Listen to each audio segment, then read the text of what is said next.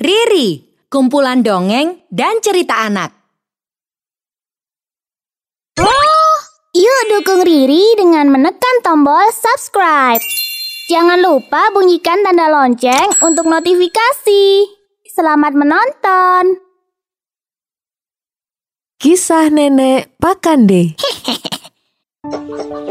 Pada zaman dahulu kala, di daerah Sulawesi Selatan, tepatnya di daerah Sopeng, terdapat sebuah perkampungan.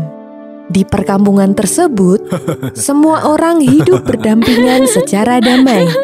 Namun, kedamaian mulai terusik ketika seorang nenek tua datang ke kampung mereka. Nenek itu berbadan bungkuk dan berpakaian compang-camping. Dia dikenal sebagai Nenek Pakande. Hingga sebuah kabar mengejutkan terjadi. Ia merupakan sosok siluman yang memiliki kemampuan ilmu hitam yang cukup tinggi.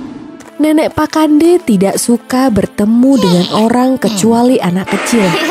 Dia sangat suka anak kecil. Kenapa kau masih bermain, nak? Bukankah ini sudah malam? Hah? Nenek ini siapa? Ketika anak kecil bermain sendirian, Nenek Pakande akan datang dan menculiknya. Inilah mengapa ia sering disebut Pakande, yang artinya makan. Cerita ini sudah terjadi lama sekali. Namun, semua orang tua di Sopeng selalu menggunakan cerita ini untuk menakuti anak-anak mereka. Rasakan ini deh. Ah, Wuhu, yeay, kakak menang lagi. Uh, kakak tadi curang sih. Ya wajar kalau menang. Anak-anak, sudah malam. Ayo masuk ke dalam rumah. Bermainnya besok lagi. Ah, ibu, ini mah masih sore bu, belum malam. Masih ada waktu untuk bermain. Iya bu, lagi seru. Bentar lagi aku menang nih. Kalian ini, apakah kalian tidak takut diculik oleh nenek Pakande? Nenek Pakande itu nggak ada bu, itu hanya dongeng. Iya, mana ada nenek yang suka menculik anak kecil. Eh, eh, di mana aku? Siapa kau? Kalian anak-anak nakal, pantas untuk dihukum. Apa? Apa yang terjadi? Anakku! Tolong!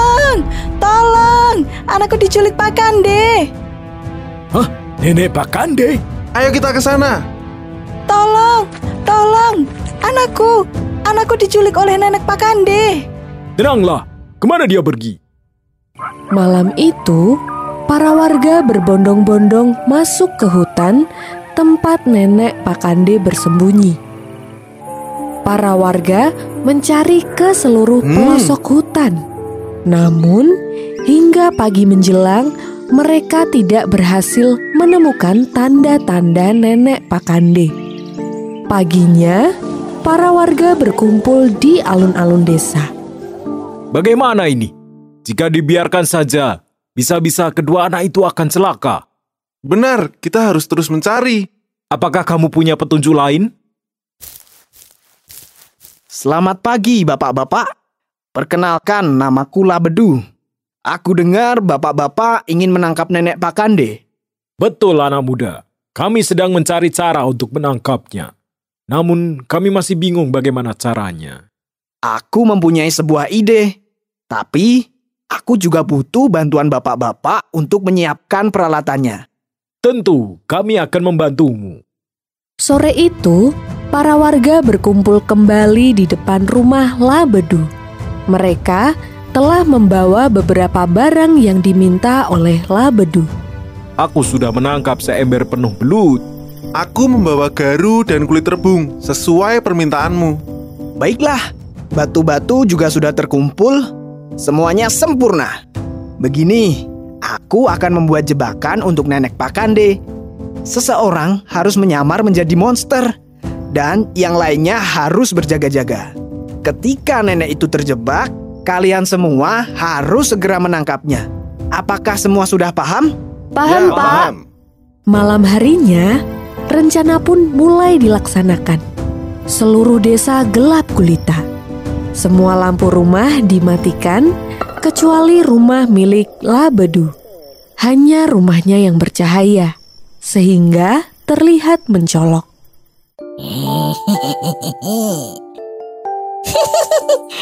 Di rumah yang masih menyala itu pasti ada anak kecil yang nakal tidak mau tidur. Aku datang anak nakal. Anak kecil, di mana kamu? Uh, Pak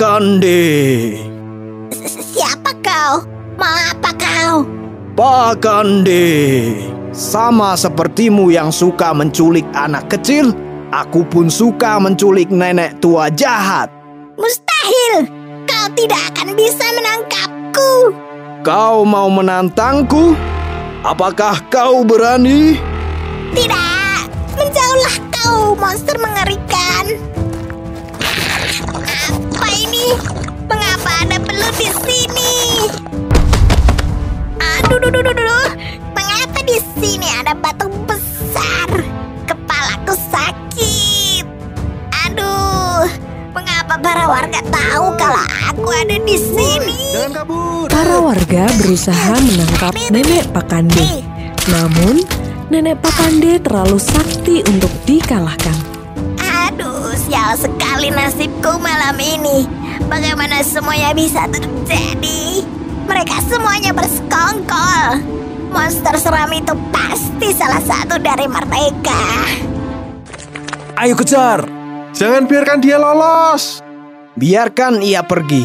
Ia sudah tidak bisa apa-apa. Ia sudah terluka parah. Tinggal menunggu waktu saja. Ibu! Ibu! Ah, ibu! Anak-anakku, syukurlah kalian selamat. Tak terasa, esok pun menjelang. Sopeng kembali tenang. Para warga hidup damai.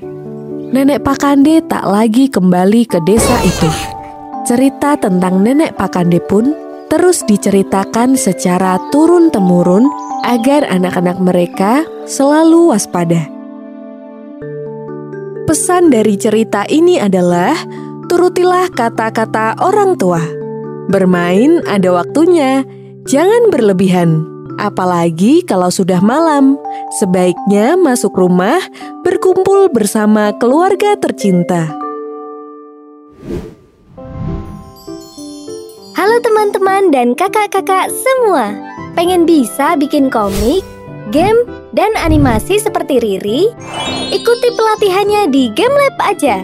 Kunjungi website kami di www.gamelab.id slash kelas kreator. Dijamin gampang, siapa aja bisa.